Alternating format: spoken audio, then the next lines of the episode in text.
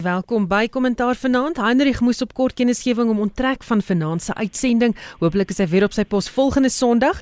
Intussen was dit weer 'n besige week en naweek gewees op die nuusfront en ons gaan probeer om soveel moontlik van die onderwerpe deur te trap. My gaste vanaand, Roland Henwood, politieke ontleder van die Universiteit Pretoria, politieke skrywer en joernalis Jan Jan Jubber en professor Andrei Dievenage, politieke ontleder van die Noordwes Universiteit. Goeienaand almal. Goeienaand, Susan. Goeienaand, Susan. En goeienaand uit die Kaap. Ah, sê almal van julle wat so lekker in die Kaap is en die res van ons hier in Johannesburg. Maar in elk geval, goed dan ANC en die Kaap vergadering se uitkoms en Ys Magashule vir die ANC se integriteitskommissie. Uh jy weet dit is wat almal met 'n valk oog dopgehou. Jy weet dopgehou die week. Jan Jan, skets net weer vir ons die agtergrond hieroor. Reg die agtergrond, ehm um, dink ek is wel bekend reeds sedert 2007. Het die ANC se ehm um, kongresse die ene in uh, Polokwane eintlik by die Universiteit van Limpopo nê en dan ook die ene in Bloemfontein en die ene by Nasrek Johannesburg 2007, 2012, 2017 het besluit dat as 'n ANC lid ehm um, krimineel aangekla word, moet hulle terugstaan uit hulle ANC leierskapposisies tot dat die saak afge afgeloop is. Dis met ander woorde na formele klag ingedien is. Dit is nou presies wat met meneer Eysma Geshuli gebeur het in die geval van die streekhof in Bloemfontein wat besig is om te kyk na die wyse waarop hy betrokke of nie betrokke was by allerlei dingetjies wat gebeur het terwyl hy premier van die Vrystaat was insluitende daardie behuisings uh, skandaal toe hulle nou die asbes dakke na moes kyk en so voort en so voort. So die lank en kort is met die um meneer Magashuli wat uiteindelik met Asian al in die uh, Bloemfontein se streekhof verskyn het toe raak die dinge nou van teorie na praktyk in die ANC en toe begin daar vrae gevra word nou hoe word die besluite van die ANC se nasionale konferensies dan nou uitgevoer? En toe word dit nou so 'n soort van glad nie uitgevoer nie want meneer Magashuli het toe nou nie teruggestaan soos wat probeer is deur die Ramaphosa faksie um, by die nasionale uitvoerende komitee se vergadering van vir die naweek nie.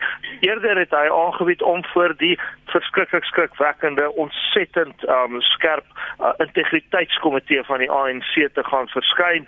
Uh, daai spot ek nou want dit is nou vir jou 'n tandelose spul as jy al ooit gesien het. In sy hele bestaan het die integriteitskomitee nog nooit daarin geslaag om enige iemand te laat terugstaan van enigiets af nie. So ek dink dis nou maar 'n pampoenspook wat loop en intussen is die ANC se konsep van integriteit en die woordeboek betekenis daarvan besig om verder en verder uitmekaar te dryf.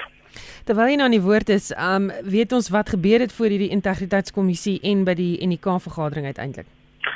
Um wel ja, um maar ons weet nie amptelik nie. Ons hoor dat meneer Magashuli so ongelooflik onskuldig was voor daai integriteitskommissie dat hy het alle skuld ontken dat botter in sy mond smelt sal 'n biologiese wonderwerk wees vir meneer Magashuli self want dit kan nie. So onskuldig is hy. So um dis nou wat die integriteitskommissie aangehoor het en die moet hulle nou oor gaan oordeel. Hulle is um manne en vroue wat tradisioneel nou nie die heel vinnigste in die hele land is nie. Jy weet die jagluiperd is mos nou die uh, teken van meneer Magashuli se provinsie, die Vrystaat wat ook 'n rugby span is oor wie mens miskien na gister 'n bietjie swyg, maar um so vinnig soos 'n jagluiperd is, so stadig is die integriteitskommissie. So ek sou nie my um asem ophou en sê ek graag blou in die gesig word. Ag nee. Roland, jou gedagtes oor wat daar gebeur het? Ek dink wat ons nou sien is 'n formalisering van 'n proses en eintlik maar 'n uh, besluit wat geneem is om niks te doen nie. Die dis baie duidelik dat daar ander belange swaarder weeg as die waardes van integriteit en deursigtigheid soos wat eintlik onderliggend aan hierdie proses behoort te lê. En die waardes wat wat belangriker is is ANC belange en dan die spesifieke belange van individuele ANC-lede. Ehm um, dalk net 'n ander perspektief. Ek dink dis dis dalk 'n bietjie naïef om te verwag dat iemand soos Ismagashule net eenvoudig gaan terugstaan. Want as hy terugstaan en sy dopie geklink en hy weet dit. So hy moet sy magsposisie behou want op daai manier kan hy baie direkte en belangrike invloed uitoefen op die prosesse wat in die ANC uitspeel, op die besluite wat geneem word en tot 'n groot mate ook op die mense wat die besluite gaan neem. So daar's eintlik nie vir hom 'n manier om terug te staan en te oorleef nie. En ek dink dis die wesenlike probleem. Wat hy gebruik om dit moontlik te maak is die regsprosesse en die feit dat daar nie in die regskonteks in arbeidswetgewing of watter ander wetgewing mens wil gebruik eintlik nie voorsiening gemaak word vir 'n persoon in so 'n amp om terug te staan nie wat 'n mens by die werklikheid bring. Die ANC leierskap moet 'n besluit neem, 'n harde besluit en hulle is nie bereid om dit te doen nie, het nie die vermoë om dit te doen nie of het nie die moed om dit te doen. Andre? Uh Susan, ja, ek stem met beide Jan Jan en met uh, Roland saam. Ek gaan net so op 'n paar implikasies wys van die hele proses. Dit is natuurlik interessant dat die uh integriteitskommissie uh vroeër, ek dink dit is vroeër die jaar vir meneer Didi Mabuza onskuldig bevind het wat was einde verlede jaar iewers. En uh ten spyte van redelike ernstige aanklagte. So Jan Jan is heeltemal reg, die integriteitskommissie is letterlik 'n hond sonder tande. Maar waar laat dit ons op die oomblik met die ANC? Op die oomblik lyk dit vir my of die organisasie in effek nie meer besluite kan neem nie. Hy kan nie meer dit wat hy neem in effek konsekwent toepas nie. En dit laat ons met 'n besluitlose omgewing. En meneer Ramaphosa is in so 'n mate verlam dat niks wat hy doen en sê substantief deur die ANC stelsels beweeg nie en natuurlik ook met verrykende implikasies vir die groter staatkundige bestel en die uitdagings waar ons nou staan. Miskien net iets oor die prosedure binne die ANC om net die, die problematiek hier te wys en dit is die integriteitskommissie rapporteer na die sekretaris-generaal weer terug na die NEK wat nie die besluit kon neem nie en hulle besluite word in die kollektief geneem. So op hierdie stadium is meneer Ysmagashule ongeskonde en hy sal na alle waarskynlikheid ongeskonde bly. Ons moet net in gedagte hou en ek praat hier van 'n studie wat die Instituut vir Rasseaangeleenthede gedoen het en dit is dat die meerderheid individue binne die nasionale uitvoerende komitee direk of indirek aan korrupsie verbind word en dit maak die bestuur hiervan bykans onmoontlik en dan wil ek sê toenemend tel ek die boodskappe op dat meneer Ramaphosa in persoon verbind word aan bepaalde wanpraktyke of sogenaamde ongeruimthede. So hier is 'n geveg aan die gang wat in effek besluitneming uh verswak en ons uiteindelik laat met 'n situasie waar ons baie moeilik besluite kan neem wat nou geneem moet word in terme van politiek, ekonomiese en maatskaplike uitdagings. Jy praat nou van Ramaphosa, kan hierdie stap Ramaphosa se hand versterk of uiteindelik in sy gesig ontplof as die Magashule mense ander se geraamtes in die kas ontbloot? Wel, ek dink meneer Ramaphosa is baie kwesbaar op hierdie stadium. En uh, ek dink daar is 'n hele klomp sake wat teen hom tel. Die nuutste gerug is na 18 uh, biljoen rand uh, geld wat iewerster verlore geraak het en wat vir armes uitgedeel moes word dit is die hele kwessie van die die 2017 sogenaamde omkopery van van stemme dit raak Marikana dit raak 'n basisvraag soos hoe bereik iemand 'n finansiële posisie van 6,4 biljoen sterk in letterlik 'n dekade of 2 en ek kan maar net sê hierdie geveg gaan myns insiens baie vuil word. Ek dink nie met enige een van die twee groepe het op die oomblik die opperhand nie, maar feit bly bestaan dat besluitneming verlam het en dat indien daar 'n besluit geneem gaan word en hier sit jy letterlik met die spreekwoordelike Engelse catch-22 tree op teen Ysmagashule en hy vat sy steunbasis en hy gaan maak iets anders daarmee of hy ondermyn die organisasie van binne beweeg na 'n nasionale algemene raadsvergadering. Ek weet dis 'n beleidskonferensie, maar daar word tog politieke steun daar gemobiliseer en voer die geveg verder. So meneer Ramaphosa se posisie wat my aanbetref is baie moeilik en dit is moeiliker as wat dit was 6 maande terug. Roland? Ja, ek dink dit is baie duidelik dat sy posisie moeiliker word en die onderliggende dinamika is net eenvoudig dat of daar's 'n onwilligheid om harde besluite te neem of soos wat ander uiteensit, daar's nie die vermoë om dit te doen en daai besluite deur te voer nie. Daar's 'n verlamming. Ek dink een van die aspekte wat 'n mens net versigtig moet wees is om die hele proses te beskryf as twee faksies in die ANC, 'n Ramaphosa en 'n Magashule faksie. Dis 'n oorvereenvoudiging. Daar's 'n veelheid van faksies, 'n veelheid van belange en daar's gedeelde belange. Byvoorbeeld 'n groot klomp mense is betrokke of skuldig aan forme van korrupsie. Daar's 'n gemeenskaplike belang wat maak dat mense nie wil optree daarteenoor nie want hulle kan slagoffers van hulle eie besluite word. Dan is daar diegene wat pro Ramaphosa, die wat anti Ramaphosa is, maar weer eens is daar verskillende en verskywende belange. En ek dink dit is wat dit baie moeilik maak om te gaan bepaal presies wat in die ANC gebeur, selfs vir die leiers men um, wat in posisies binne die ANC sit want hulle weet letterlik nie van dag tot dag wie is die mense wat saam met hulle gaan staan en wie is die mense wat op 'n bepaalde stadium gaan omspring en teen hulle gaan staan nie en dit maak dit baie moeilik vir enige een. Wat dit ook vir ons sê is die probleme in die ANC loop baie dieper as net persoonlikhede. Dit loop baie dieper as net basiese beginsels rondom korrupsie en regering en besluitneming.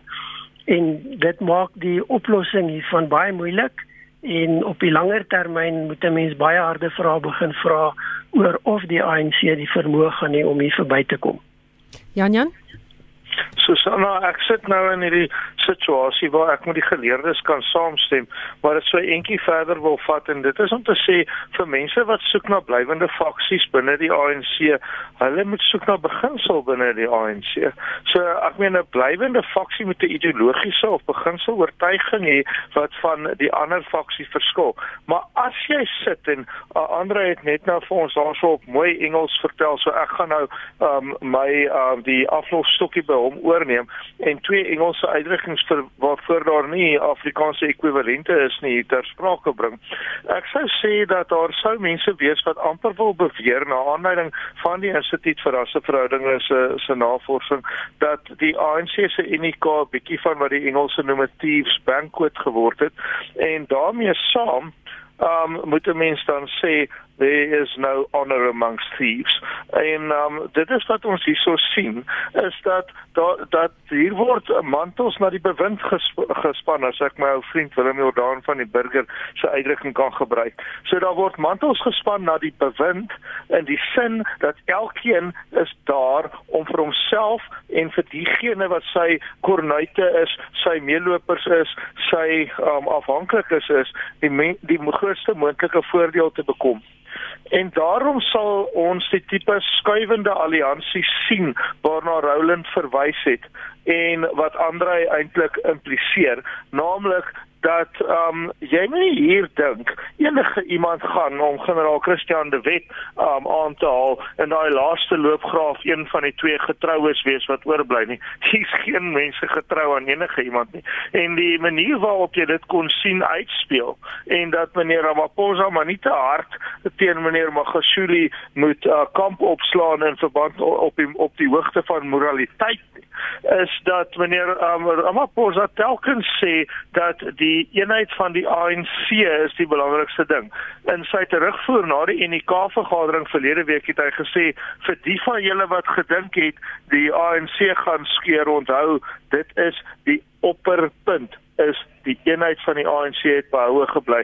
Nou as jy sulke mense het wat as die instituut vir rasverhoudinge korrek is, um in hulle navorsing en hulle navorsing oor die jare was weliswaar baie baie uh betroubaar. Hulle um party van 'n ander uh hoe sal ons nou sê stryeerye en bakleierye met mekaar en ander miskien minder so, maar hulle navorsing was oor die jare betroubaar. Ek het nie die vermoë die tyd of om die waarheid te sê die lus om na te gaan of hulle korrek is nie, maar indien hulle korrek is en hulle word nie teengespreek nie, dan gaan jy in 'n situasie sit waar jy sit met 'n skurkebanket waar um die mense vir mekaar loer en kyk wie kan eers die pudding steel en tweedens gaan jy in 'n situasie sit waar daar nie eer eerbare gedrag gaan wees nie want eerbaarheid is nie die onderbou van in eie belang optree nie. En dit is die dis die probleem wat ons het en dit is waar Andre reg is. Um daai eerbaarheid wat iets wat onder verdenking is om dit nou maar lig te stel, die speel hom ook uit nie net in die party nie, maar in die regering wat deur die party gevorm word. En kyk jy rondom ons na hoe dit gaan in die staatsdepartemente en die staatsondersteunde ondernemings of eintlik staatsbeheerde ondernemings, nou ja, dan sien jy dat 'n jakkals verander van hare maar nie van snare nie. Goed, kos beweeg aan na 'n ander tema. Almal hier in die land het vind, jy weet vandag gewag vir 'n familievergadering. President Cyril Ramaphosa sou dalk vanaand praat, nou wel môre aand oor COVID. Tweede golf is hier. Wat dink julle oorweeg hy en sy span alles? Miskien jy, Roland? Dit gaan afhang van ek dink hoe ernstig hulle die saak beskou. Dit lyk asof daar groot kommer in die regering is as ons kyk na wat in die afgelope dae gesê is, deur wie dit gesê is. En dan miskien ook belangrik om te gaan kyk wat gebeur in die res van die wêreld want dit lyk tog asof die regering tot 'n baie groot mate volg wat in die res van die wêreld gebeur wanneer dit by die bestuur van hierdie pandemie kom.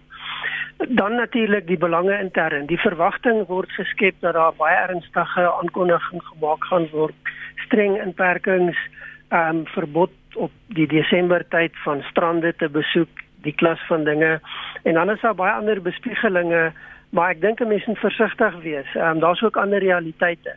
Die een is die die ekonomiese druk dat ons nie nog 'n baie streng inperking kan bekostig nie teenoor die mediese ehm um, argumente dat dit nodig is.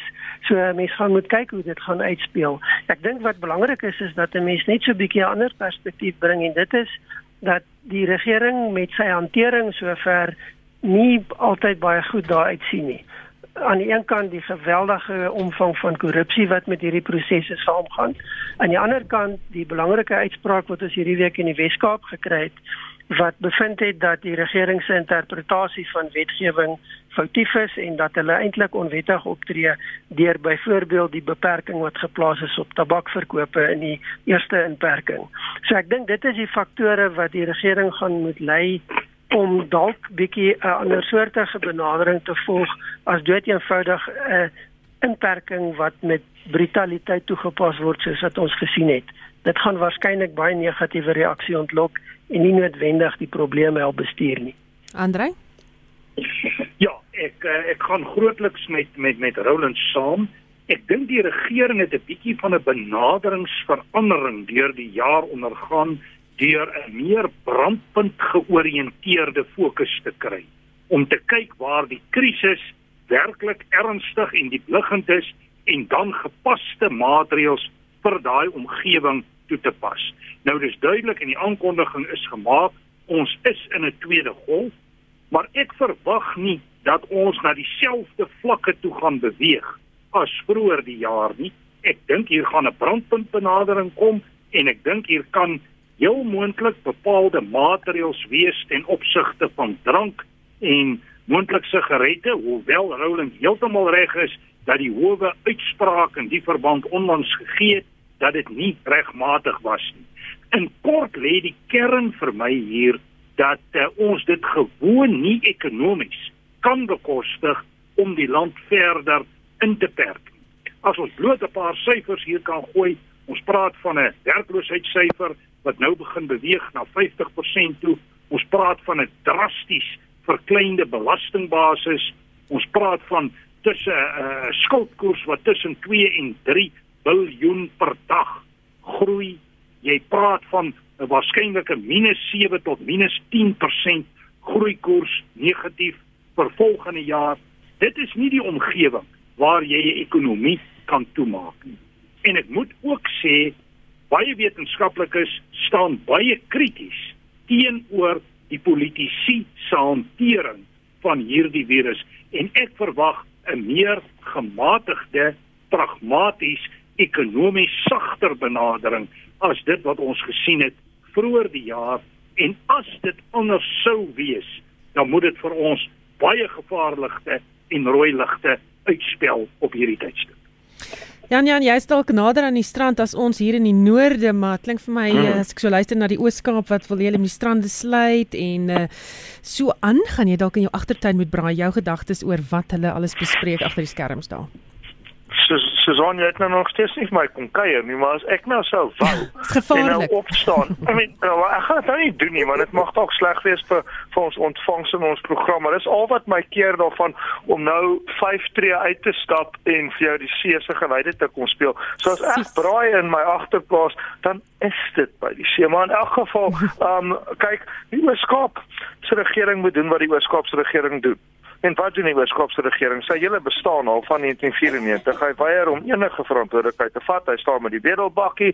Hy wil alles sluit want dan hoef hy geen verantwoording te doen nie. Uh, maar daar's ook 'n ander provinsie hier ter sprake en dis die provinsie Weskaap. En ons premier meneer Allan Windey staan baie baie sterk aan die kant van die ekonomie en van persoonlike verantwoordelikheid. Die punt hier is dat dit nie ontsettend moeilik is om nie COVID te kry nie. Jy moet Johanna was heeldag en aldag voortdurend onophoudelik. Jy moet jou masker dra wanneer jy uitgaan. Um om vir Koos kom by sy baie jare terug aan te haal. Ek dra my masker soos 'n kat. En jy moet um sosiale afstand handhaaf en dis maar so maklik soos wat dit is.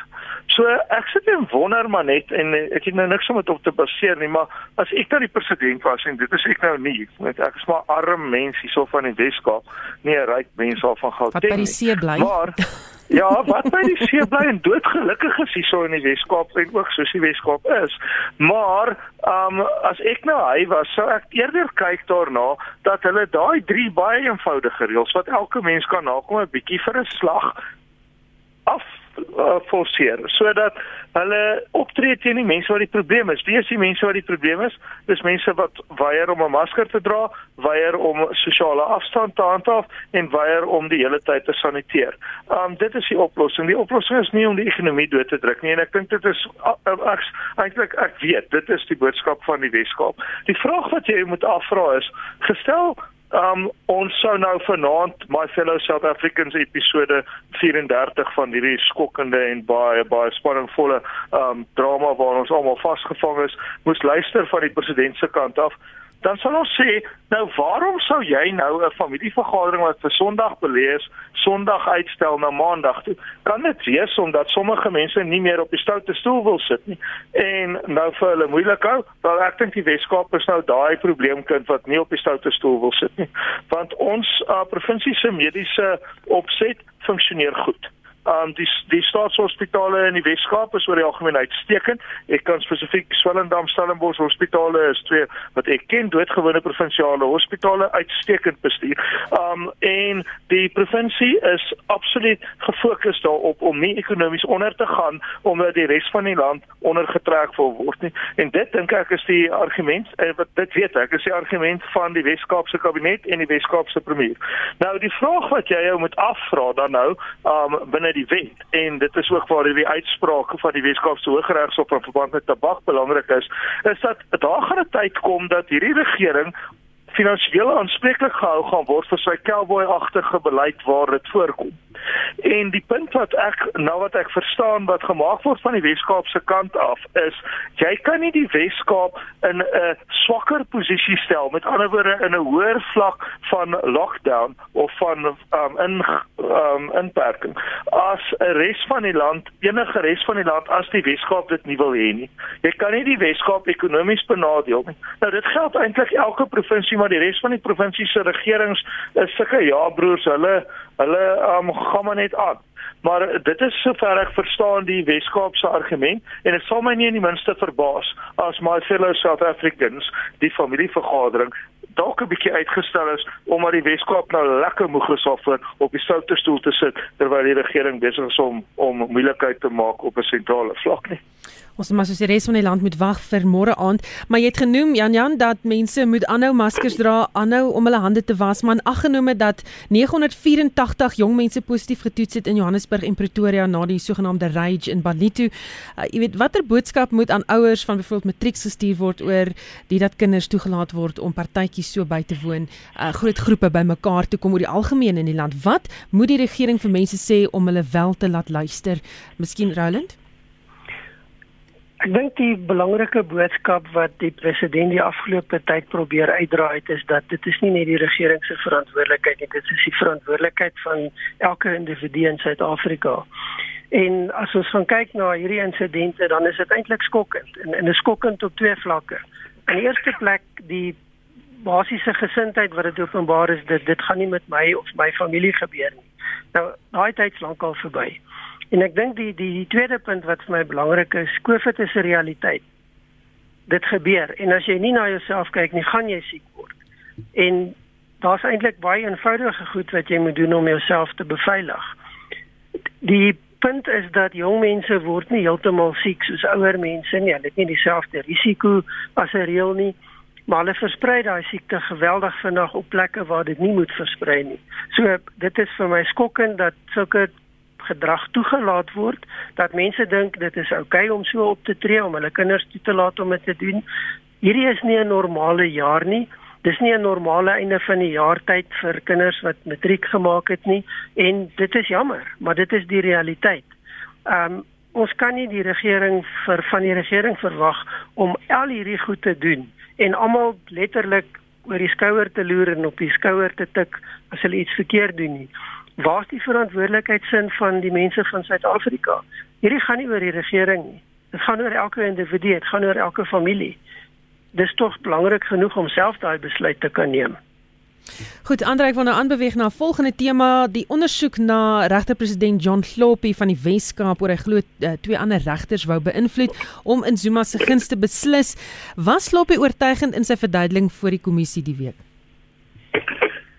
Uh, Susan, ja, ek dink ons net vinnig die agtergrond gee. Dit is 'n saak wat dateer uit 2008 en dit het gegaan oor Zuma se betrokkeheid by 'n uh, korruptiewe wapentransaksie waarin regter Slope probeer het om vir regters Nkabinda en Jafta te beïnvloed.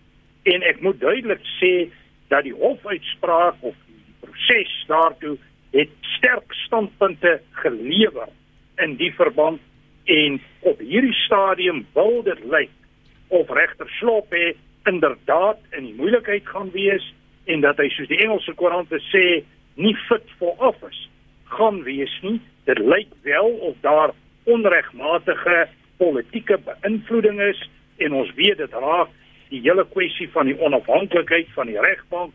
Dit sluit aan by die staatskapingskonteks. So op hierdie stadium wil dit vir my voorkom of regter Schloppe met ernstige probleme sit en of hy waarskynlik sy posisie selfs kan verloor in die verband. Wat kan die gevolge wees vir regters Jafta en Kabinde as Kloppe se guns beslis word of in sy in sy guns beslis word? Jan Jan? Nee, ek dink nie daar sal vir hulle Wel, daar sal seker wees, weet jy, ek het nog glad nie daaraan gedink Susan tot jy dit nou ophaal nie. Um wie jy hierso moet ons nou miskien 'n regskenner of tensy een van die twee geleerdes my hierso uit my tamaletjie uit kan help wat jy nou hier vir my aangegee het, want ek is heeltemal seker nie. Um kyk, hulle het die klag gelê Um um as ek reg onthou en is ook al lank terug, weet jy Susanne, toe ek en jy nog jonk was 12 jaar gelede dat die ding eintlik al begin het. En um die punt daar is dat regters Jafta en Kabinde het um weliswaar vir Kloppie um verklaar soos wat hulle inderdaad moes as dit so gebeur het. Dis in hierdie stadium nog beweerde gebeure, maar baie sterk beweerde gebeure.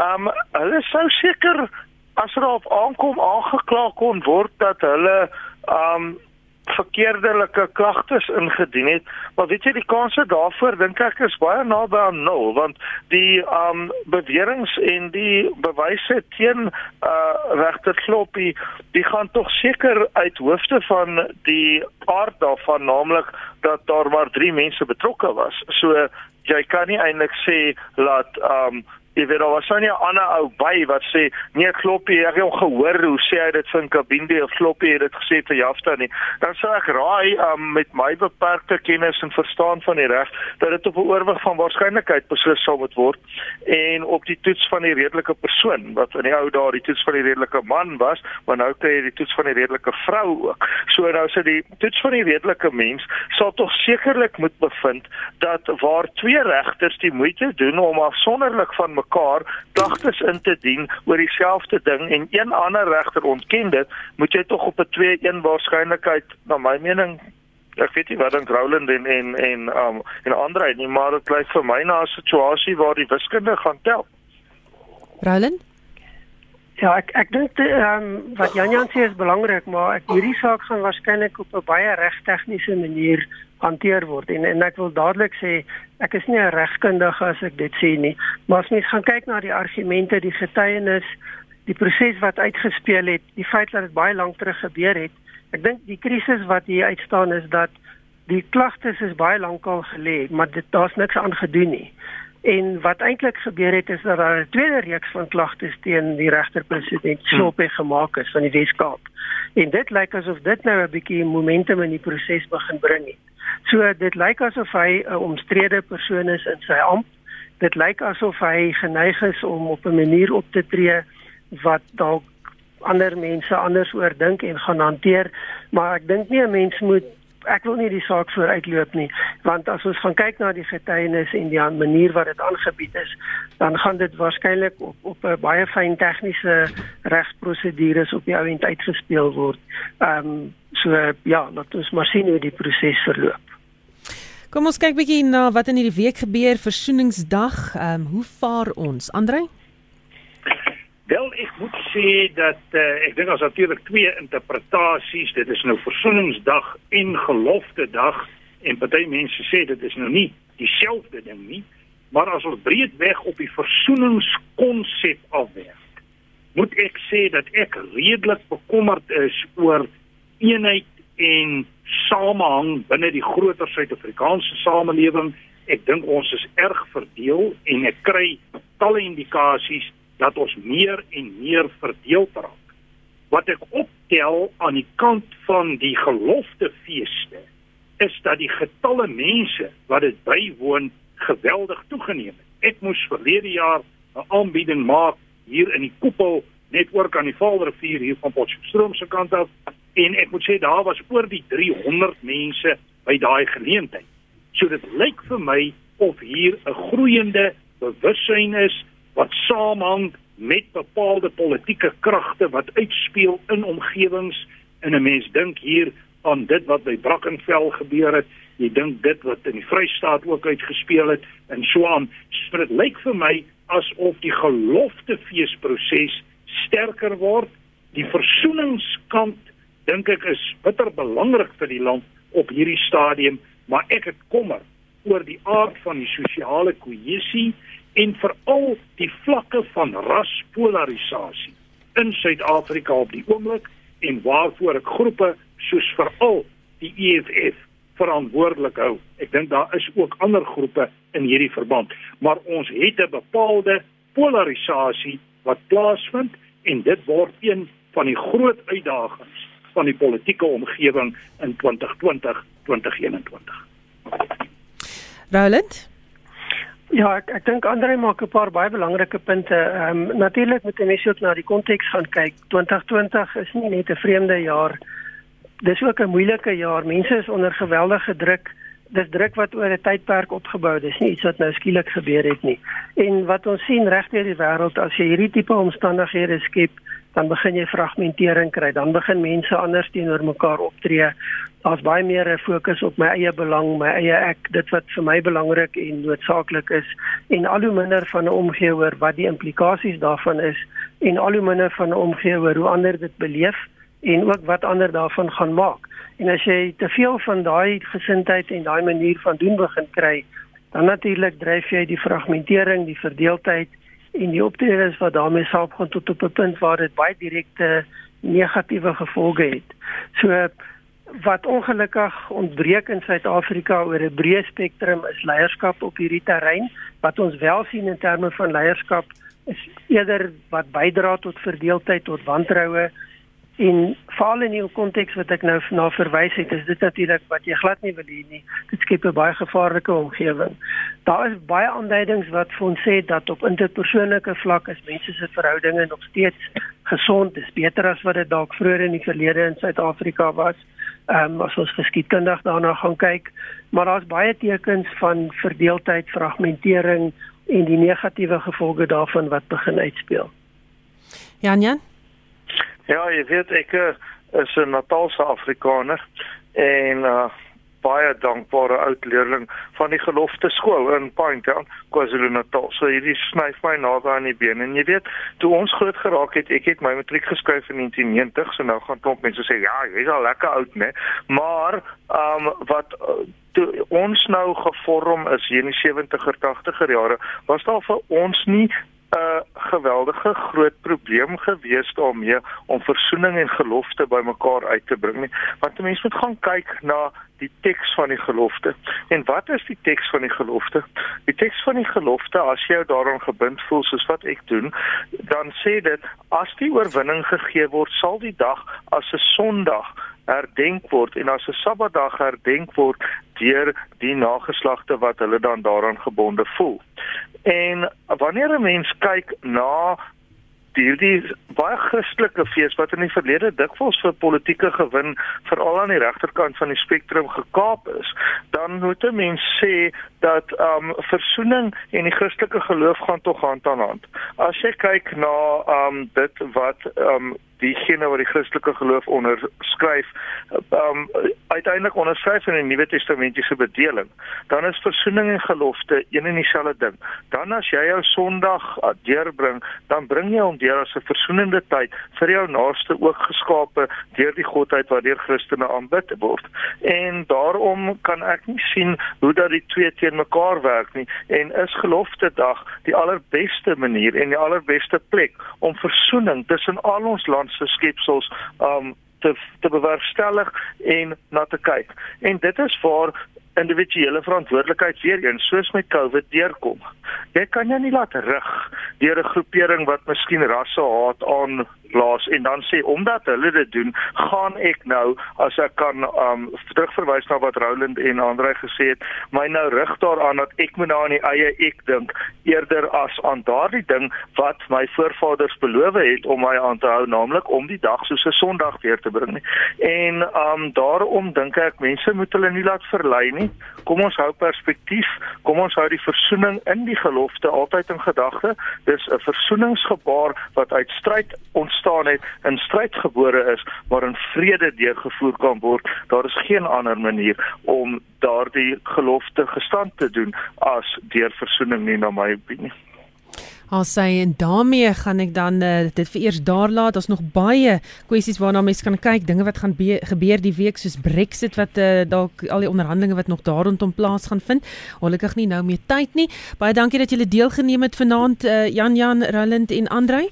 En uh, my gaste vanaand was Roland Henwood, politieke ontleder van die Universiteit Pretoria, politieke skrywer en joernalis Jan Jan Joubert en professor Andrei Dievenage, politieke ontleder van die Noordwes Universiteit. Baie dankie vir almal wat SMS'e gestuur het en saamgesels het. Ek het alles gesien, maar ons ongelukkig nie tyd om dit alles te noem nie. En uh, nou ja, my naam is Susan Paxton. Geniet die res van die aand in die geselskap van RSG.